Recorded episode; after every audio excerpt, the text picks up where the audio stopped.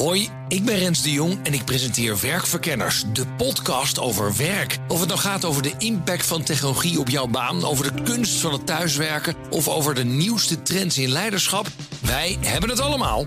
Luister iedere dinsdag om 3 uur naar BNR of wanneer maar wil op je favoriete podcastplatform.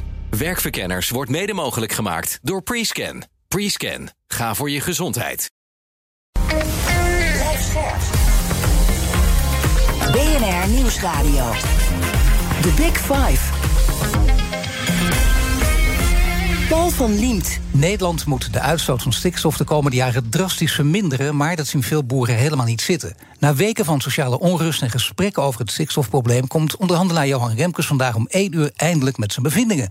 Waarom is stikstof een probleem? Hoe kan het dat boeren en overheid zo tegenover elkaar zijn komen te staan? En hoe kunnen Remkes conclusies bijdragen aan een oplossing die ook juridisch houdbaar is? Ik praat erover met vijf kopstukken in BNS Big Five van het stikstofprobleem. En vandaag is een van de kopstukken bij me en die directeur van Greenpeace. Welkom. Goedemorgen. Ja, voordat ik met u ga hebben over de toekomst van de landbouw, wil ik eerst eh, twee dingen van u weten. Namelijk de eerste. Wat hoopt u dat er in het rapport van Johan Remkes staat vanmiddag? Ja, ik hoop dat uh, de heer Remkes ervoor zorgt dat de 2030-doelen keihard vaststaan. Um, en dat hij ook zorgt dat dat wettelijk gaat verankerd worden. Ik hoop dat hij aandacht besteedt aan de natuur die al in 2025 op omvallen staat. Want daar hoor ik heel weinig over. En ik hoop dat hij nou eindelijk eens een keer wat perspectief gaat bieden aan de boeren. Want daar gaat het natuurlijk mis. Die maatregelen die moeten. Maar je kan niet uh, alleen maar de stok hanteren. Je hebt ook de wortel nodig. En die is niet georganiseerd door het kabinet. Dus echt een perspectief voor de boer hoe die dat dan gaat meemaken, die hele transitie. Ja, dus het is een onvoorstelbaar lastig probleem waar hij voor stond. Kijken of hij tot een oplossing is gekomen. Daar praten we zo meteen over door. De tweede, dat heeft te maken met uw karakter. Uh, interviews hier met uw lezer staat in. Optimisme is een plicht. Ik kwam u net tegen, meteen te lachen ook, dat scheelt. Dus niet uh, denken van de wereld is alleen maar erg. er zitten ook leuke dingen aan. U heeft het van de filosoof Karl Popper, meen ik, die dat zei. maar een beetje zeggen mensen, is soms ook wel een plicht om op tijd in actie te kunnen komen. Ja, het is bij mij, ik probeer het een evenwicht te houden. Dus als je kijkt naar wat wij doen als organisatie, gaan wij voorop. Uh, zullen we altijd uh, pushen voor dat we ons houden aan het klimaatakkoord en dat we ons houden aan alles wat er nodig is op het gebied van, van natuur en, en klimaat. En daar mag je niet naïef in zijn. En daar moet je ook stevig in gaan. Tegelijkertijd uh, heb je ook de plicht om altijd optimistisch te zijn en altijd te denken: het gaat ons lukken. Dus ik probeer het in balans te houden. Maar dat heeft natuurlijk te maken met. Ik, ik weet niet, op een gegeven moment loopt u al een tijdje mee, ook in het actiewezen. Uh, ooit begon op de HAO, gewerkt bij Volkswagen en Porsche. Dat is een, een ander begin, maar daarna gewoon echt richting, uh, laten we zeggen, milieu en klimaat. Dan, ja, dan kun je een, met het voordeel van de leeftijd steeds optimistischer worden of juist steeds negatiever. Wat is bij u gebeurd? Ja, nou, ik, word, ik vind. overigens, ik heb, niet voor, ik heb voor Porsche en Volkswagen niet erbij. Dus ik werkte als zelfstandig ondernemer. Um, maar inderdaad, ik ben. Uh, ja, daar nou, ooit nee, begonnen. ja, maar toch is. Uh, nee, nee, ik, ik, ik, het niet. Ik ben daar begonnen. Op een gegeven moment gedacht, nee, ik moet echt een andere ja. kant op met mijn leven. Ja, um, ja en sorry, nu ben ik helemaal de draad kwijt. Nee, dat, dat begrijp ik, ja. Nee, maar daarna word je ouder en dan ga je andere oh, ja, keuzes maken. En word je, dan, word je dan met de loop der jaren optimistischer of juist negatiever? Nou, ik word activistischer naarmate ik ouder word. Dus Zo. Ik zeg wel eens verstand komt met de jaren en wie zijn verstand gebruikt, wordt echt activist. Maar dat is interessant, want ik had die ja. hoogleraar, uh. Erisman, die, die, kent u ook wel, de bekende hoogleraar, de stikstofprofessor, die zegt: Nee, ik ben juist geen activist. Dat brengt mijn functie ook niet met zich mee. En ik ben ook zeker niet activistischer geworden. Dat hoor je niet vaak van mensen die ouder worden. Nee, nee, dat vind ik ook heel jammer. Dus ik voel eigenlijk dat het vuur bij mij aanwakkert. Ik, ik krijg steeds meer rapporten op mijn bureau en steeds meer verhalen over mensen die in de knel komen, natuur die in de knel zit. Uh, je kan niet anders meer dan nu echt fundamentele vragen stellen over de toekomst van de wereld. Ja, dat, en activisme en daarvoor opkomen, dat, dat past mij heel goed. Het is ook een tijd met, met inderdaad meerdere crises. Er staat veel meer op het spel, veel duidelijker misschien ook wel dan voorheen. Maar laten we kijken naar Remkes, want dat rapport komt vanmiddag uit. Wat moet hij doen? Want u zei dus een van de punten waar hij, waar hij aan moet denken, die in dat rapport moeten staan. Hoe moet hij boeren echt perspectief bieden? Ja, op heel veel verschillende manieren. Dus kijk, er wordt veel gesproken over die ketenpartijen. Wat zijn dat? Dat heb je het over de Rabobank, dan heb je het over de supermarkten. Uh, maar ook uiteindelijk de overheid die kan heel veel mee doen. Dus de supermarkten moeten nu eindelijk eens een keer een fatsoenlijke prijs gaan betalen voor die producten. Uh, dat kan makkelijk, want ze maken hartstikke veel winst. En als het niet uit kan, dan zal de consument wat meer moeten betalen voor de producten die die boer levert. Die dat boer... is lekker in tijden van inflatie en ja, hoge gasprijzen. Is, ja, dat is heel pijnlijk. Uh, en tegelijkertijd is voedsel veel te goedkoop in ons land. En daardoor krijgen we ook echt die dumpprijzen en die dumpproducten. Maar het vervelende van dit verhaal, het, het is eigenlijk een spel tussen te krijgen. Alleen je weet dat het voor heel veel andere zaken ook geldt. Die zijn ook eigenlijk veel te goedkoop. Dan moet je het hele systeem om. Want dan zegt iedereen vanuit zijn eigen sector: hier moet je meer voor gaan betalen. Op een gegeven moment is dat niet meer te doen. Nou, kijk, je moet hem wel dan iets breder bekijken. Dus uh, die, mensen moeten potentieel meer betalen. Overigens wordt er veel winst gemaakt, dus je kan ook interen op de winsten. Maar je moet kijken naar wat kost nou zo'n landbouwsector op dit moment voor ons. En, en die is, dat is veel meer dan dat we denken. Dus uh, kijk nu naar die stikstofcrisis. Er wordt al, het FD had het erover dat er iets van 25 miljard aan schade nu al is. 28 miljard. Daar gaat nog eens een keer 25 tot 30 miljard nu aan allerlei fondsen overheen. Dus dan heb je het al over 60 miljard. Uh, ga dat maar eens omrekenen. Je kan ook wat meer betalen voor je melk. Of uh, je kan ook wat meer betalen voor de kaas die in de, super, in de schappen ligt. Dus mensen zullen wat meer moeten gaan betalen. Ook al is dat een niet populair. Maar goed, de landbouw, dat is de ene kant. De andere partij zegt natuurlijk, dat snap ik, de landbouw. Wat, kijk eens wat die kost, maar ook kijk eens wat de landbouw oplevert. Hè. Ja. Tweede grote exporteur, daar hebben ook allemaal van geprofiteerd. Ja, zeker. Wij hebben dus een maatschappelijke kosten-batenanalyse gemaakt... een aantal jaar geleden als Greenpeace. En zeiden van, laten we dat nou zo bij zetten. Er wordt verdiend uh, met die veestapel, maar er zijn, is ook heel veel schade. En dan zie je, heel opmerkelijk, dat in alle krimpscenario's... wij als land er financieel op vooruit gaan als de veestapel krimpt. Uh, simpelweg omdat we dus heel veel schade hebben van die veestapel. Uh, dus uh, ja, particulier is dat heel vervelend. Dus voor het Friesland Campina of voor, uh, voor boeren.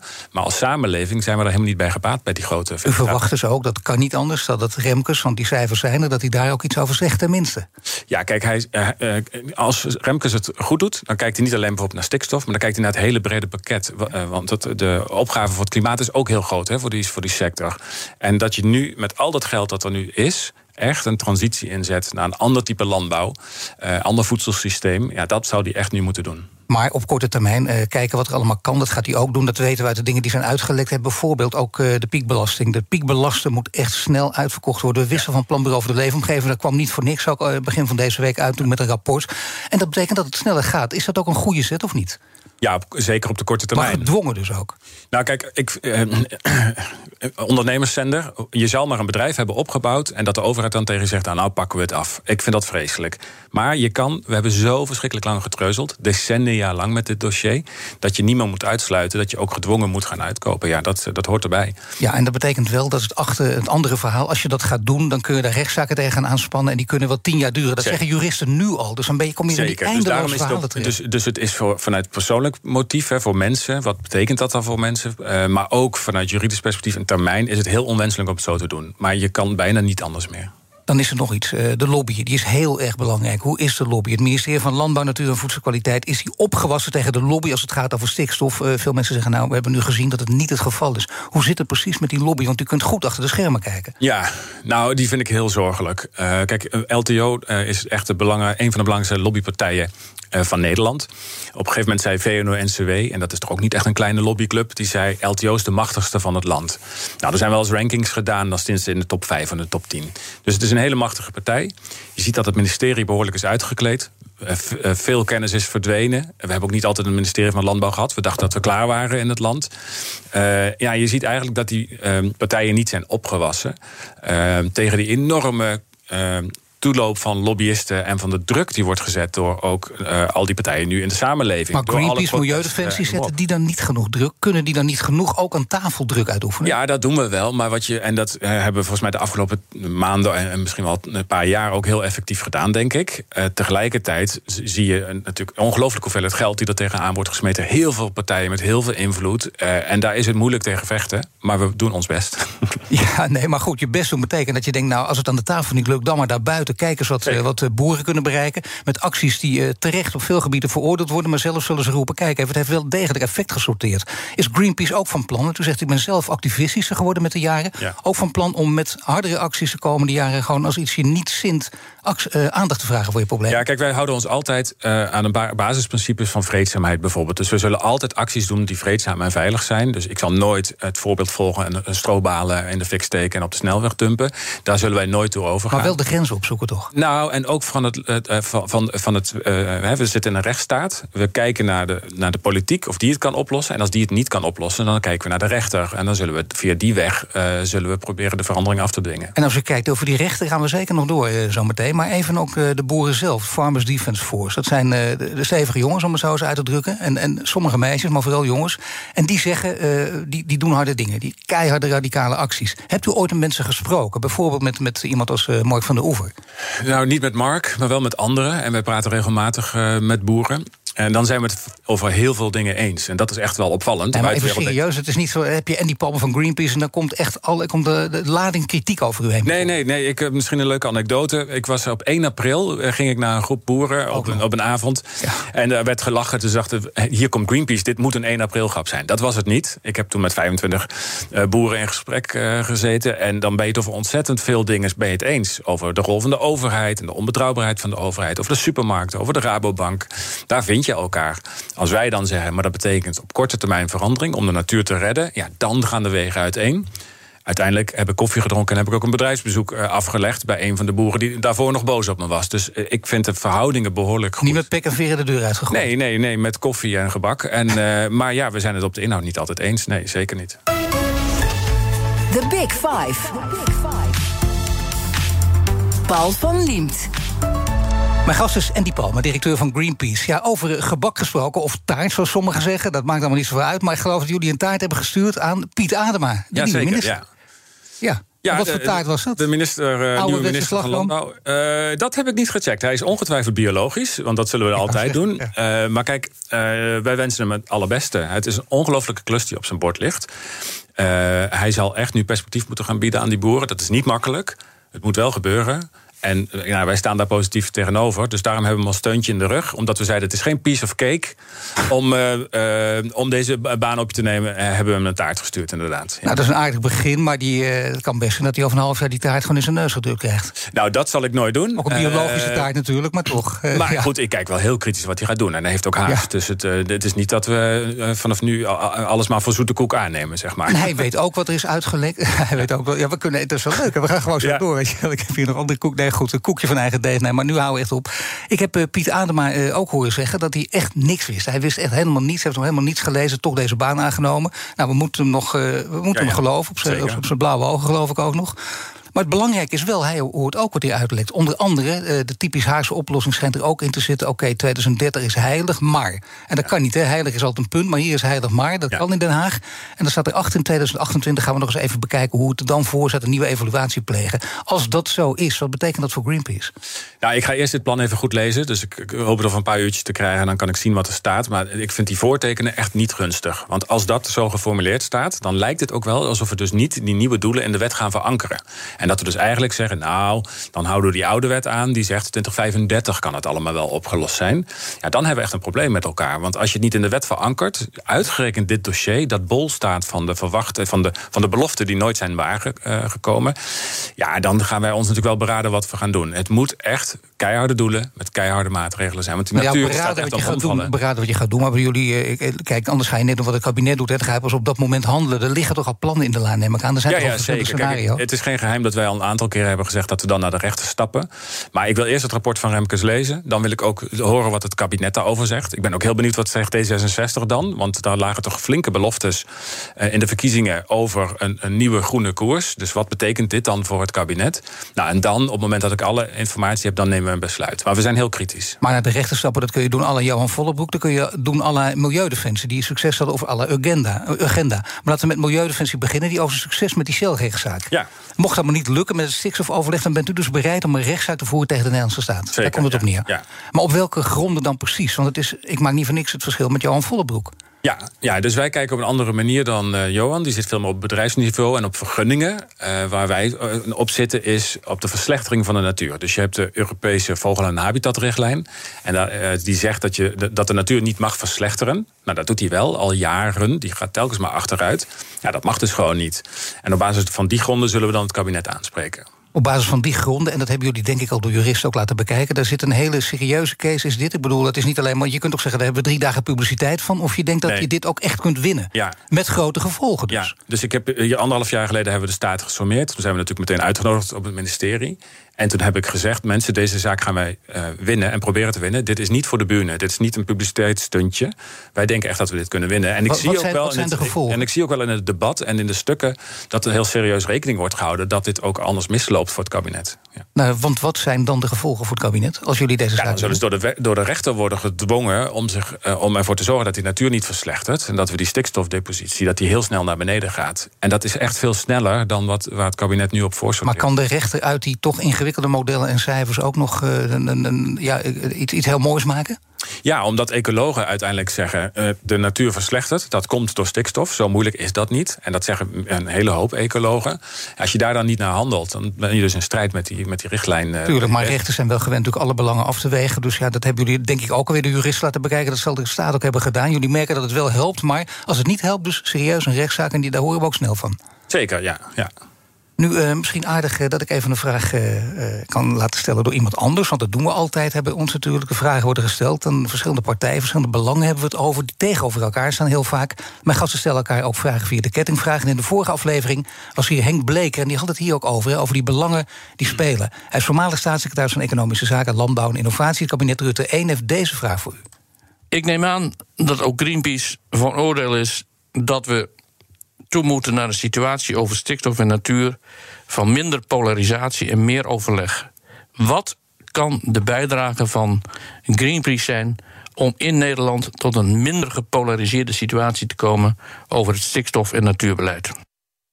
Ja, begin meteen ja. te lachen. Ja. ja. komt de optimist weer boven. Dat is... Nee, maar ik, vind dit, ik moet hier wel een beetje om lachen. Want deze vraag wordt gesteld door Henk Bleker. Dan wil ik toch eventjes, voordat ik hem beantwoord... wil ik daar iets over zeggen. Henk Bleker die heeft 60% van het natuurbeleid... en de financiering van de natuur heeft hij weggesloopt... toen hij de kans kreeg als staatssecretaris.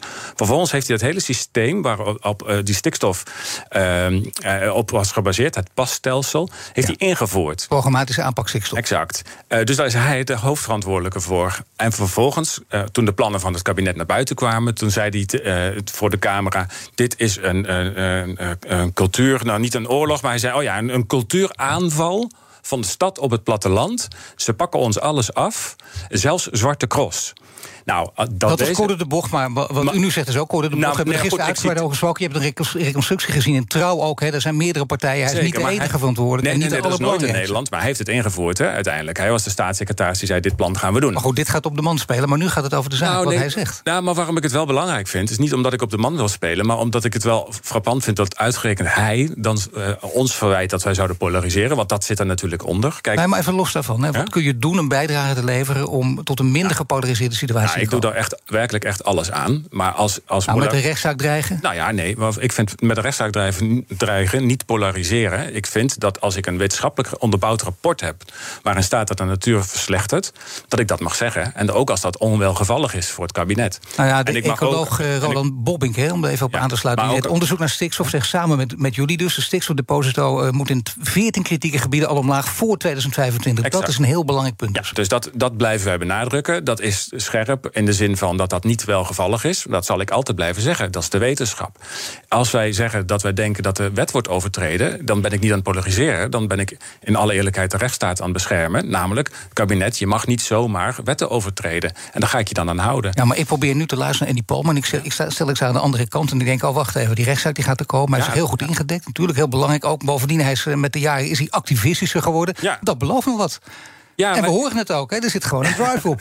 ja. Zeker, zeker. Maar dat wil niet zeggen dat ik daarmee probeer te polariseren. Maar ik vind wel dat het belang van de natuur gehoord mag worden. Dat zie je overal ondersneeuwen en dat zetten wij op de kaart. Maar u sprak toen op 1 april met die boeren, ook met, met wat radicale boeren. Maar dan merk je toch ook waar je, waar je tot elkaar echt tot elkaar kan komen. En vervolgens zie je in alles wat wij doen, in elk bericht dat wij schrijven, zie je handreikingen naar de boeren. Dat sturen wij naar de minister, en die zullen we dus nu ook weer gaan doen naar de nieuwe minister. Sturen we suggesties. Hoe kan je nou zorgen dat die boeren geholpen worden?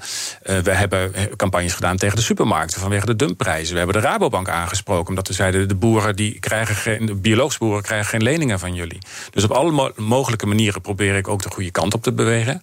Maar ja, ik neem wel stelling in een debat als, als ik zie dat wetten worden overtreden of als we niet luisteren naar de wetenschap. Ondertussen nam u dus het, heeft u het stokje overgenomen van uw voorganger Joris Thijs. En die zei op dat moment, bij, bij de, toen die zei, nou daar komt hij dames en heren. En die Paul mijn opvolger. En hij zei, zorg goed voor Greenpeace. Hij bedoelde ermee altijd onafhankelijk blijven. Dus stel dat er een geld schiet, misschien dat iemand nu luistert. Die denkt, nou, die Andy Palmer, goede kerel, uh, daar wil ik gewoon een paar miljard in gaan stoppen. Wat dan? Nee, nou, als dat een particulier is, dan zijn, zeggen wij heel hartelijk dank. Dus wij nemen geld aan van particulieren, ook van sommige stichtingen. Maar van bedrijven nemen we bijvoorbeeld geen geld aan. En dat bedoelde Joris. Maar doen jullie dat nu ook, van, van particulieren geld aan nemen? Ja. Ik bedoel, grote sommen geld ook? Ja, soms komt er iemand naar ons toe die... Hè, we, wij leven van de tientjesdonateur... die ons gewoon met een, met een paar tientjes per jaar steunt. Maar soms komt er ook iemand met een groter, groter bedrag, zeker. En wat is, wat is de bijdrage, de extra bijdrage die, die, die u zelf gaat leveren aan Greenpeace? Want uh, hoe goed een voorganger ook doet, je wel altijd toch weer ook je eigen gezicht laten zien. Dat is ook logisch. Ja, kijk, nou, nou dit, nu ga ik uh, mezelf misschien een beetje tegenspreken. Maar ik heb inderdaad als voornemen om wat minder te denken dat we het allemaal met overleg kunnen oplossen. Want we overleggen onszelf suf in dit land. En ik heb het goede voornemen om echt nu te zorgen dat we in hele korte termijn een omslag gaan maken naar duurzaamheid. Door dus vaker demonstraties te organiseren, door vaker naar de rechter te stappen altijd met een handreiking naar die partijen die daardoor geraakt worden. Dat hebben we ook gedaan bijvoorbeeld toen de kolencentrales sloten. Hebben we met de FNV, met de vakbond, hebben we gewerkt aan een kolenfonds. Zodat de werknemers niet werkeloos raken en dat die omgeschoold worden. Dus we zullen, hebben altijd oog voor de mensen die het raakt. Maar die omslag naar duurzaam, ja, die, die, moet en die zal. Zeker. En, en stevig en meer actie, dat hangt in het verschiet, hangt er vanaf wat er allemaal gebeurt. Morgen dan is Helene Lansing te gast, is melkboer, medeoprichter van de Melktapperij. Abonneer je op onze podcast via je favoriete podcastkanaal om geen aflevering te missen. Straks praat ik verder met Andy Palma over de aanpak van het stikstofprobleem. Blijf luisteren. Hoi, ik ben Rens de Jong en ik presenteer Werkverkenners, de podcast over werk. Of het nou gaat over de impact van technologie op jouw baan, over de kunst van het thuiswerken of over de nieuwste trends in leiderschap, wij hebben het allemaal. Luister iedere dinsdag om 3 uur naar BNR of wanneer maar wil op je favoriete podcastplatform. Werkverkenners wordt mede mogelijk gemaakt door Prescan. Prescan, ga voor je gezondheid. Op 6 juni mogen we naar de stembus voor de Europese verkiezingen. Hete hangijzers genoeg natuurlijk. Oorlog, klimaat, energie, concurrentie. Ondernemers willen vooral dat er nu eens wat harde knopen worden doorgehakt. En die regeldruk, die moet omlaag. Op 23 mei om 7 uur s avonds op BNR gaan verschillende partijen met elkaar en ondernemers de ring in. Tijdens het BNR Ondernemersdebat. Het Ondernemersdebat wordt mede mogelijk gemaakt door VNO-NCW en MKB Nederland.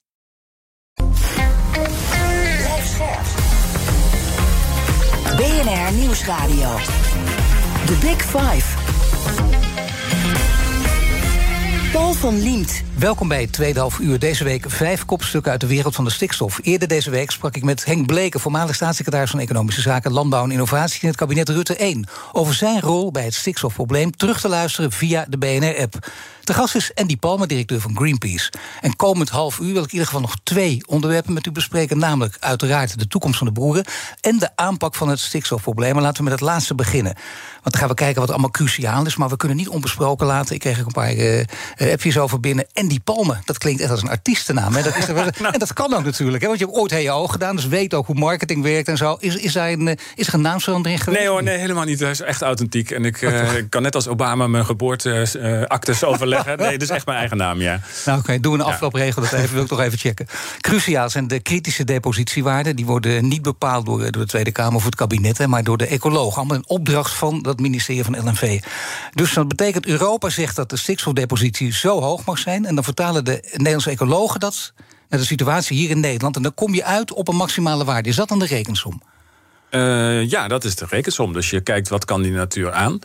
En dat noem je dan. Uh, wat, wat mag dan maximaal uh, uitgestoten worden? Of eigenlijk op die natuur terechtkomen, moet ik zeggen. Dat is net iets anders. Um, en het is dus een grenswaarde. Dat is heel belangrijk. Het is best technisch, maar iedereen denkt altijd dat het een soort indicator is dat je die kunt meten. Nee, het is een grenswaarde. Het is het verkeersbord op de snelweg. Je mag niet harder dan 100. Dus het is niet millimeteren met cijfers? Nee, het is, dit mag echt niet. Je mag niet harder dan dit. Um, en, en ja, je moet je daar gewoon aan houden, want die natuur die staat er heel slecht voor je. Mag hier dan even het citaat van, uh, van Diederik Samson uh, naar voren komen? Ik denk het wel, hè, want ja. hij zegt... we rijden met 300 kilometer, of hij zei dat... met 300 kilometer langs een vangrail... en dan kijken we wat de natuur aan kan. Beter verminderen we de snelheid... dan hoef je niet iedere keer te meten. Exact. Nou ja, maar, maar gaat, gaat Remkes deze woorden, heeft hij ook al tien keer gehoord natuurlijk. Er is ook een lobbycircuit van die kant op gang gebracht. Is de kans heel erg groot dat dat er dus ook in zit? Nou, dit is ook het geluid dat je inmiddels bij het ministerie van LNV wel hoort. Dus dat is wel doorgedrongen. Maar, uh, en dat zit ook wel in die plannen. Dus er wordt veel gesproken over robuustheid. En het moet echt passen en niet te, te, te dicht op die afgrond uh, zitten. Tegelijkertijd zie je nu dat er geknabbeld wordt aan alle doelen en alle plannen die er, die er liggen. En dat is natuurlijk levensgevaar. Met name die tussentijdse evaluatie, dat kan dan bijna een breekpunt zijn. Dat, dat kan dus een reden zijn. Ik bedoel nou niet om de zaak hier op te fokken, maar gewoon voor de realiteit. Dat kan een reden zijn voor Greenpeace om te zeggen: op basis daarvan zouden wij naar de rechter kunnen stappen. Dan moet je er afwachten of het erin staat. Maar als dat erin staat, wat nu is uitgelekt, dan zou het kunnen. Ja, dus ik, ik wil echt heel goed die plannen eerst goed zelf lezen... en niet op basis van een aantal berichten nu reageren. Want daarvoor is het dossier te lastig en te moeilijk... en vind ik ook naar de, een gang naar de rechter te zwaar. Dus ik ga het echt even goed bestuderen. Nee, maar goed, ik bedoel, dit, laten we zeggen, dit is wel een, een heel kritiek punt. Uh, wij kijken naar het hele dossier met juridische argusogen. Nou, keurig zeg. Kijk eens eventjes. Ja, geweldig. Nou, je zou zo minister kunnen zijn. Dat is ook, nou, daar ben ik niet geschikt voor. Nee. Geen lid van de ChristenUnie ook? Nee, ook niet, nee. Wel van een andere partij? Nee. Nee? Ook nooit geweest? Nou, ik probeer, uh, niet ik probeer, ik ben politiek onafhankelijk. Dus ik heb wel een visie. En met iedereen die kan samenwerken, werk ik die kant op. Maar u stemt natuurlijk wel. Ik stem wel, ja. Wat gaat u stemmen over drie maanden? Daar laat ik me niet over uit. Nee, toch? nou zeg. Nee, ik vind dat... Kijk, Weinig transparant, hè? Ja, maar ik vind dat niet netjes. Eh, eh, heel simpel. Nou, ik wil niet altijd netjes te zijn. Nee, maar ik wil wel met alle partijen kunnen samenwerken. Uh, ik stem... Uh, ik ben groen en ik ben ook sociaal. Dus dan kunt u het al een klein beetje inkaderen. Maar ik ga niet zeggen op welke partij. Want ik werk gewoon met iedereen samen met wie ik kan samenwerken. Nee, maar de verwachtingen inderdaad. Uh, in de lijn de verwachtingen. Dat gaat niet naar de VVD of naar uiterst rechts. Uh, uiterst, uiterst rechts uh, sowieso. VVD zou nog kunnen. Kijk eens eventjes. Ja, nee, maar dat is nieuws. Kom op. Nee, nee, ik doe echt geen uitspraken erover. Minister van der Wal gaan we naar terug. Die zei over dit rapport, en dat is wel een belangrijk citaat, denk ik. Hè, we kijken ernaar. Het effect van dit rapport kan verschillen per gebied. Betekent het dat het dan nog mee kan vallen met die zogenaamde kritische depositiewaarden? Nou, die kritische depositiewaarden die zijn dus al gemeten ook. En die zijn dus doorvertaald in al die gebiedsplannen en in die gebiedsdoelen. En daar uh, krijgt dat zijn beslag, zeg maar. Dus daarin wordt ook gekeken van in dit gebied, op dit type grond, deze type natuur. Uh, zo dicht bij de Natura 2000, daar moet je deze doelen halen. En in dat gebied is het dan net weer anders. Dat maar maakt het zo, ongelooflijk ingewikkeld dossier. Omdat het zo belangrijk is natuurlijk, toch die depositiewaarde, die kritische depositiewaarde, is het niet voor niets dat de boeren dat proberen aan te vechten. En niet alleen de boeren, uh, ook Wop, Wopke Hoekstra, die twijfelde eraan. Toen werd er meteen gezegd dat hij met zijn achterban te maken. Hij deed dat wel. Maar ook Pieter Omzicht. En die staat natuurlijk wel onbekend dat hij ook alles naar doorrekenen. En dat hij echt op de cijfers zit. Ja. Is, dat, is dat heel goed? Hoort dat in een democratie? Of zeg je nee, dat moeten ze niet doen? Dat is een achterhoedegevecht. Kijk, uh, ik vind, je mag altijd, en dat is ook de, de taak en de aard van de wetenschap, je mag de wetenschap altijd bevragen. En je mag altijd vragen hoe zit het nou nog, nog preciezer. Dat is op zich heel uh, gunstig en heel goed, want dat is zoals wij verder komen in een land en zoals de wetenschap werkt. Maar hebben ze ook een punt? Nou, even, dus niet op voorhand het aannemen. Dus als het, als het oprechte vragen zijn van hoe zit het nou precies, helemaal goed. Aan de andere kant, wat ik heel erg zie, is dat er aanval op de wetenschap is en op de twijfel, omdat die zo breed mogelijk wordt gezaaid, die we ook kennen van het klimaatdebat. Daar is willens en wetens door bedrijven, is die, die twijfel over klimaatverandering en dat dat door de mens kwam, is bewust gezaaid. Daar zijn heel veel geld is daar naartoe gegaan om die twijfel in stand te houden, omdat je daarmee weer tijd koopt. En dat zie ik ook wel heel erg nu in dat stikstof. Ja, maar dan is het, dan is het zand in de machine strooien. Maar, maar kijk, omzicht is niet voor niets uh, natuurlijk groeiend in die peilingen omdat mensen denken, wacht even, hij berekent het echt. Hij wil, hij wil het naadje van de kous. Ja, dus, kijk, dus dat, is, dat, is, een andere rol. Ja, maar ook Pieter Omzicht kan niet voorbij aan 20 jaar wetenschap rondom stikstof. Er is altijd weer uh, vier cijfers achter de komma's weer iets te vinden... en te zeggen, nou daar klopt het niet helemaal. De wetenschap is het erover eens, de ecologen zijn het erover eens... stikstof is een hele grote um, veroorzaker van die natuurproblemen. Dat moet zo snel mogelijk worden opgelost... Uh, daar is er gewoon geen twijfel over. Maar wat dacht u dan toen Wop Hoekstra zei, en ik citeer hem dan maar precies... Uh, die 50% reductie van stikstofdepositie uh, in 2030 is voor het CDA niet heilig? Ja, Maurice de Hond die peilde toen zes zetels uh, voor het CDA in diezelfde week. Dus dat was mijn gedachte. U zegt die fossiele brandstoffensector die zaaide twijfel over klimaatproblemen. En dan zeggen mensen ook meteen: ja, maar wacht even, dat is uit de andere hoek ook een vorm van complotdenken. Want dat betekent dat politici op een, op een oneigenlijke manier misschien wel beïnvloed worden door die uh, stikstoflobby. Uh, hoe, bedoel, hoe bedoelt nou ja, Als je zegt de, de fossiele brandstoffensector zaaide twijfel over het klimaatprobleem, dan kun je zeggen: ja, daar hebben ze ook zand in de machine gestrooid en ze zaten aan tafels. Dan moet je toch precies weten wie aan welke tafel zat en met goede voorbeelden kunnen komen om dat aan te geven. Anders is dat ook een complot van de andere kant. Ja, nee, dat begrijp ik hoor. Dus ik probeer ook de parallel te maken met, uh, met wat we hebben gezien bij, de, uh, bij klimaatverandering. Daar zijn allerlei journalistieke producties al geweest en er zijn ook allemaal gesprekken geweest en dat is ook toegegeven door, de, door die industrie. Maar kunt u een goed voorbeeldje geven, hè, zodat we meteen voor helder voor ogen hebben: kijk eens even, die en die zaten met elkaar aan tafel en daar ging het mis. Nou, misschien niet over, de, over die stikstof uh, en over die KDW's. Daar kan ik niet nu zo'n uh, uh, voorbeeld naar boven halen. Maar dat de lobby heel sterk is vanuit die boerensector, ja, daar, daar, dat is wel duidelijk. En daar heb ik zelf bij gezeten. Een aantal jaar geleden zaten we in het klimaatakkoord te onderhandelen. Met al die partijen die nu moord en brand schreeuwen over de transitie. En daar zag je de deuren allemaal dichtgaan toen, het, toen wij eigenlijk de problemen op tafel legden. En zeiden: laten we nu met elkaar aan de slag gaan. En toen is er gewoon een hele keiharde lobby geweest vanuit de Rabobank en vanuit vanuit, al die, vanuit LTO, Friesland Campina, om vooral maar niets te veranderen aan het landbouwsysteem. Uh, en daar zat ik bij. En er zijn ook brieven, en die, die zijn ook online gepubliceerd, waaruit dat gewoon blijkt. Dus die lobby is ontzettend uh, krachtig. Nou worden er meer publicaties gepleegd, meer onderzoek gedaan. Ook bijvoorbeeld naar, uh, laten we zeggen, de, de, rol van de grote speler als Shell... die ook hele nauwe banden, ik zeg het even met een understatement... heeft met het ministerie. Ja. Heeft u daar ooit ook met heldere voorbeelden iets van gemerkt? Nou, heel recent hè, zagen we de publicatie dat uh, staatstoezicht op de mijnen... die dus moet kijken naar uh, Groningen en naar de gaswinning daar... dat daar een uh, inspecteur-generaal werd gezocht.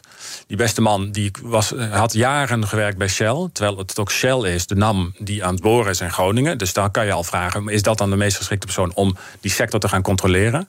Vervolgens komt die man die komt uh, binnen bij zijn sollicitatiegesprek... en dan zit iemand van de gas- en oliesector zit bij het sollicitatiegesprek.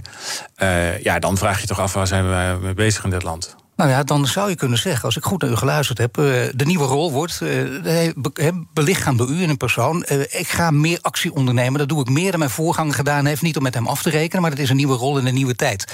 Nou is het interessant dat wij ook een hele goede redactie hebben... ook voor dit programma. Dus die hebben de juiste citaat op de juiste plaats. Je wil ook kijken naar effecten. Wat kun je bereiken? En een van uw citaten bij uw aantreden was... twintig jaar geleden stond ik als roepen in de woestijn... bij tankstations van Shell. Ja, ik begin te lachen, want dat, dat was het gewoon. Hè. Kan Greenpeace dan twintig jaar later niet beter iets anders gaan doen? Als dat niet zo goed werkt, kun je dan niet veel beter... in plaats van actie voeren, zorgen dat je ook een paar uh, echte uh, rekenwonders aan tafel hebt? Of een paar hele goede lobbyisten... die gewoon het spel mee weten te spelen... en dan nog beter zijn dan de tegenpartij? Ja, maar dat is ook wat we doen. Hè? Dus het is niet zo dat wij alleen maar met vlaggen en vaandels staan te wapperen. Wij hebben lobbyisten, wij praten echt op dagelijkse en wekelijkse basis met ministeries en met. Uh, maar moet ik onderbreken, maar die zijn niet goed genoeg. Want u zegt niet nee, niks. Wij, moeten, wij moeten actie gaan ondernemen. Althans. Uh, nee, die zijn ontzettend goed. Dat wil ik echt benadrukt hebben. Nee, maar, die luisteren mee, hè? Uh, ja, die zeker luisteren die mee. En, uh, anders word ik afgerekend als ik terug ja, kom. Ja. Maar ze zijn ook echt goed. Nee, kijk, er staat natuurlijk miljarden belangen aan de andere kant. We hebben een overheid die nog steeds denkt dat de wereld kan veranderen... als je dat maar doet via de bedrijven. En zichzelf daarin een soort facilitaire rol ingeeft. Zolang we zo denken als samenleving... en de overheid dat ook toelaat, ja, dan is het heel moeilijk vechten. En wat wij vooral ook nu de, de komende jaren zullen doen... dat was ook bijvoorbeeld die Shell-zaak. Die werd gewonnen uh, door Milieudefensie. Wij waren mede-eiser. Hebben ook op de inhoud uh, volop meegekeken. Uh, en, we kondigen dus nu ook een uh, rechtszaak aan als het niet goed gaat op die, die stikstofdoelen. We hebben een paar dagen geleden hebben aangekondigd dat we op, omdat Bonaire dreigt te verdwijnen in de golven, want 20% van het eiland dreigt te verdwijnen als we niet iets doen aan klimaatverandering, dat we dus samen met mensen van dat eiland naar de rechter stappen. En dat we dat nu aan het voorbereiden zijn.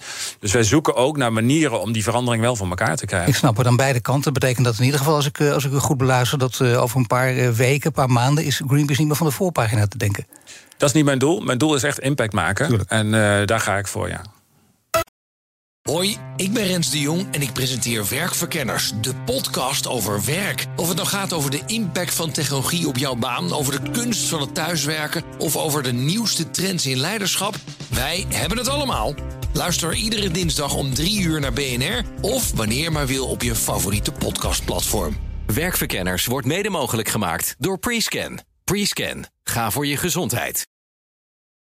Op 6 juni mogen we naar de stembus voor de Europese verkiezingen. Hete hangijzers genoeg natuurlijk. Oorlog, klimaat, energie, concurrentie. Ondernemers willen vooral dat er nu eens wat harde knopen worden doorgehakt. En die regeldruk, die moet omlaag. Op 23 mei om 7 uur s avonds op BNR gaan verschillende partijen met elkaar en ondernemers de ring in. Tijdens het BNR Ondernemersdebat. Het Ondernemersdebat wordt mede mogelijk gemaakt door VNO-NCW en MKB Nederland. BNR Nieuwsradio. The Big Five. Paul van Liemt. Je luistert naar BNS Big Five van het stikstofprobleem. Later deze week praat ik nog met Sjaak van der Tak. Hij is voorzitter van LTO Nederland over het boerenoverleg. Mijn gast is Andy Palme, directeur van Greenpeace. Ja, in die stikstofdiscussie zeggen de boeren heel vaak: we hebben al veel gedaan, laten we nou alsjeblieft innoveren. Sla ons niet de helft van de veestapel uit handen.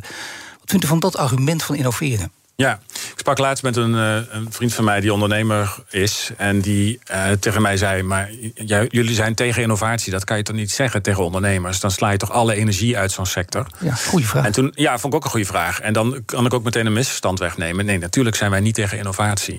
Maar kijk, we steken miljarden als samenleving in die innovatie om die mogelijk te maken. En dan mag je op zijn minst verwachten dat dat geld goed besteed wordt. Dat het dus helpt tegen stikstof. Maar ook dat het helpt tegen alle andere problemen waar die sector mee kampt. Dus het klimaatprobleem en het probleem met het, grondwater en de oppervlaktewater. En noem maar op. Nou, als je dan kijkt, zijn er innovaties die daar ook echt iets aan doen en die dus uh, werken? Dan is het antwoord gewoon hartstikke nee. Nee? Uh, nee maar ik heb er vijf. Nou, ik ben heel benieuwd. Daar komen ze. Ja, ik heb ze gelezen in de Volkskrant. Koeien, koeien vaker de wei in, uh, mes met water verdunnen... investeren in emissiearme stalvloeren, luchtwassers installeren... en koeien minder krachtvoer geven. Nou, dat zijn toch behoorlijk wat innovaties op een rij. Nou, eh, gelukkig, heb ik, uh, gelukkig heb ik dat artikel ook gelezen... en dan zie je dat er eigenlijk bij al die maatregelen... ook enorme wetenschappelijke twijfel is... of wetenschappelijk is aangetoond... dat er veel minder gereduceerd wordt in de praktijk... dan dat, dat die maatregelen beloven. Dus die vloeren, dat, zijn, hè, dat noemt, wordt wel eens tovervloeren genoemd. En dat is ook al een paar keer voor de rechter inmiddels geweest. Dat, dat de rechter ook zegt: ja, maar je haalt die stikstof, uh, verminderde stikstof uit helemaal niet hiermee. Ja, en het wordt wel inge, ingecalculeerd in de vergunningverlening. Geldt niet voor alle vijf deze innovaties. De ene is toch betrouwbaarder dan de ander. Dus je kunt zeggen, nou, ze vijf zijn, zet er in op drie. Althans, maak innoveren zo belangrijk mogelijk. Dat zou iedereen toch helpen? Ja, maar dan komt er dus wat mij betreft echt wel een tweede voorwaarde bij. Want wij steken hier geld in als samenleving. Miljarden. En dat is allemaal belastinggeld. En we weten ook dat die sector een groot probleem heeft met, met de klimaatuitstoot. En dat we onze klimaatdoelen helemaal niet aan het halen zijn als land. En dat die landbouwsector daaraan mee gaat doen. Nou, dan heb je dus maatregelen nodig die ook daar uh, tegenwerken. Ja, die zie ik dus niet. Nou, misschien van de Rabobank. Want nou, dus, als, dus als er maatregelen zijn waar we echt de problemen mee kunnen oplossen... en dat innovaties zijn, prima. Het wordt ons al heel erg lang beloofd dat het kan met innovatie. Het gebeurt alleen helemaal niet in de praktijk. Nee, ik, ik wou het over wie bedrijven hebben. Kan even. Wie bedrijven ja. begint te glimlachen of niet? nou, ik ben benieuwd wat u gaat vragen. Nou ja, hij zei: we gaan productieve en duurzame landbouw neerzetten over twintig jaar. Af een paar afscheidsinterviews. Ze beginnen op BNR, daarna ook nog een NRC. En dan heeft hij steeds deze teksten. Uh, hoe zou het eruit zien als u dat vorm zou geven? Is, is dit een goed idee, namelijk van wie? Uh, nou, kijk, wat zo lastig is, is. Er zit zo'n groot verschil tussen de woorden die worden gesproken en de daden van, van dit soort uh, topmannen. En die toch op hele invloedrijke posities zitten. Hij zegt dat als afscheidsinterview. De afgelopen jaren hebben we het gewoon niet gezien. We hebben niet gezien dat de Rabobank aan het bewegen was. Er is maximale kritiek vanuit media, Kamerleden, vanuit, zelfs vanuit het ministerie over de rol van de Rabobank. De boeren lopen er tegen te hoop. Ja, het antwoord van, het, van de Rabobank aan de Remkestafel was: Nou, we kunnen wel 0,2% rentekorting geven. En that's it. Terwijl zo'n Rabobank echt een sleutelspeler is. Uh, die... 80% van het marktaandeel de belangrijkste financier van de agrarische sector. En vorig jaar 4 miljard winst. Dus wij gaan nu als samenleving miljarden erin steken. En de Rabobank die doet helemaal niets en zit op zijn handen of zit op zijn geld.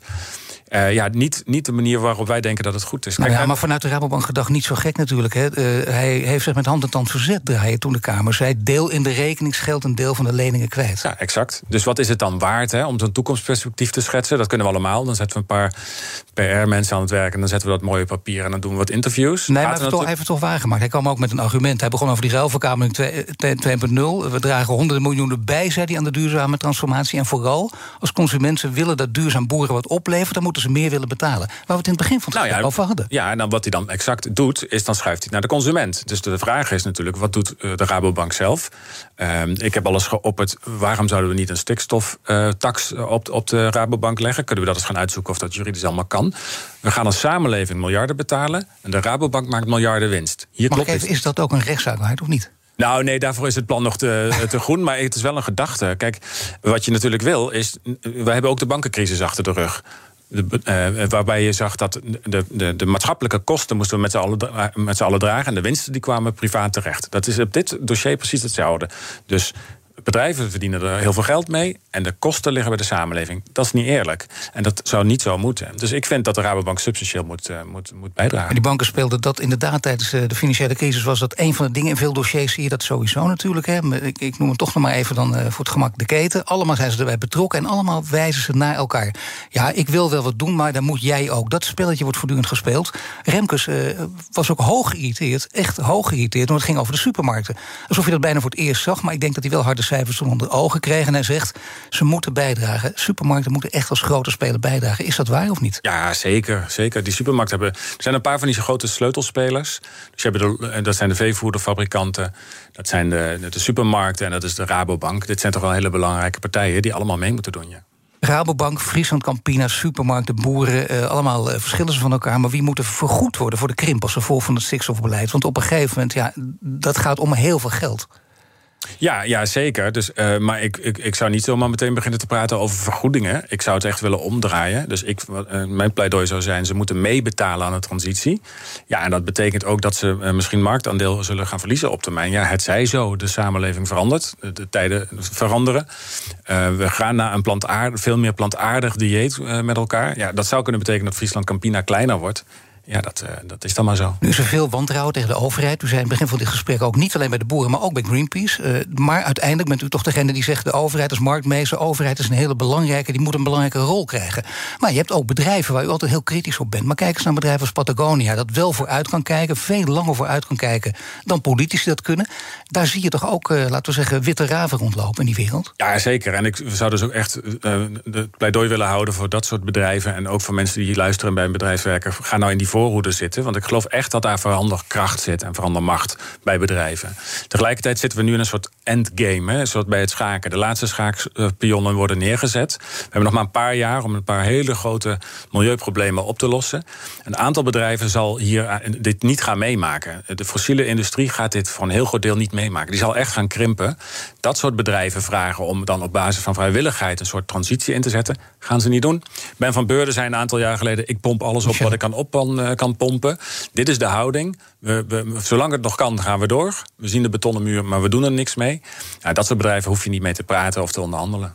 Mijn gasten stel ik af vragen via de kettingvraag. En u mag een korte, bondige vraag stellen aan de volgende gast. Dat is Helene Lansings, is melkboer en medeoprichter van de Melktapperij. Wat wilt u aan haar vragen?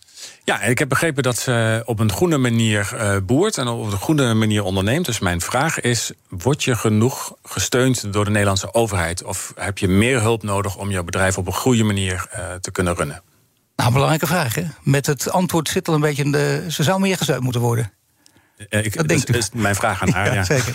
Hartelijk dank. Eddie Palmer, directeur van Greenpeace. Alle afleveringen van BNS Big Five zijn natuurlijk terug te luisteren. Abonneer je op onze podcast via onze app of je favoriete podcastkanaal om geen aflevering te missen. En nu Iwan Verrips met BNR Breekt. En om één uur uiteraard praten we je heel goed bij op BNR over de bevindingen rond het rapport van Remkes. Dag. Hoi, ik ben Rens de Jong en ik presenteer Werkverkenners, de podcast over werk. Of het nou gaat over de impact van technologie op jouw baan, over de kunst van het thuiswerken of over de nieuwste trends in leiderschap, wij hebben het allemaal. Luister iedere dinsdag om drie uur naar BNR of wanneer maar wil op je favoriete podcastplatform. Werkverkenners wordt mede mogelijk gemaakt door Prescan. Prescan, ga voor je gezondheid.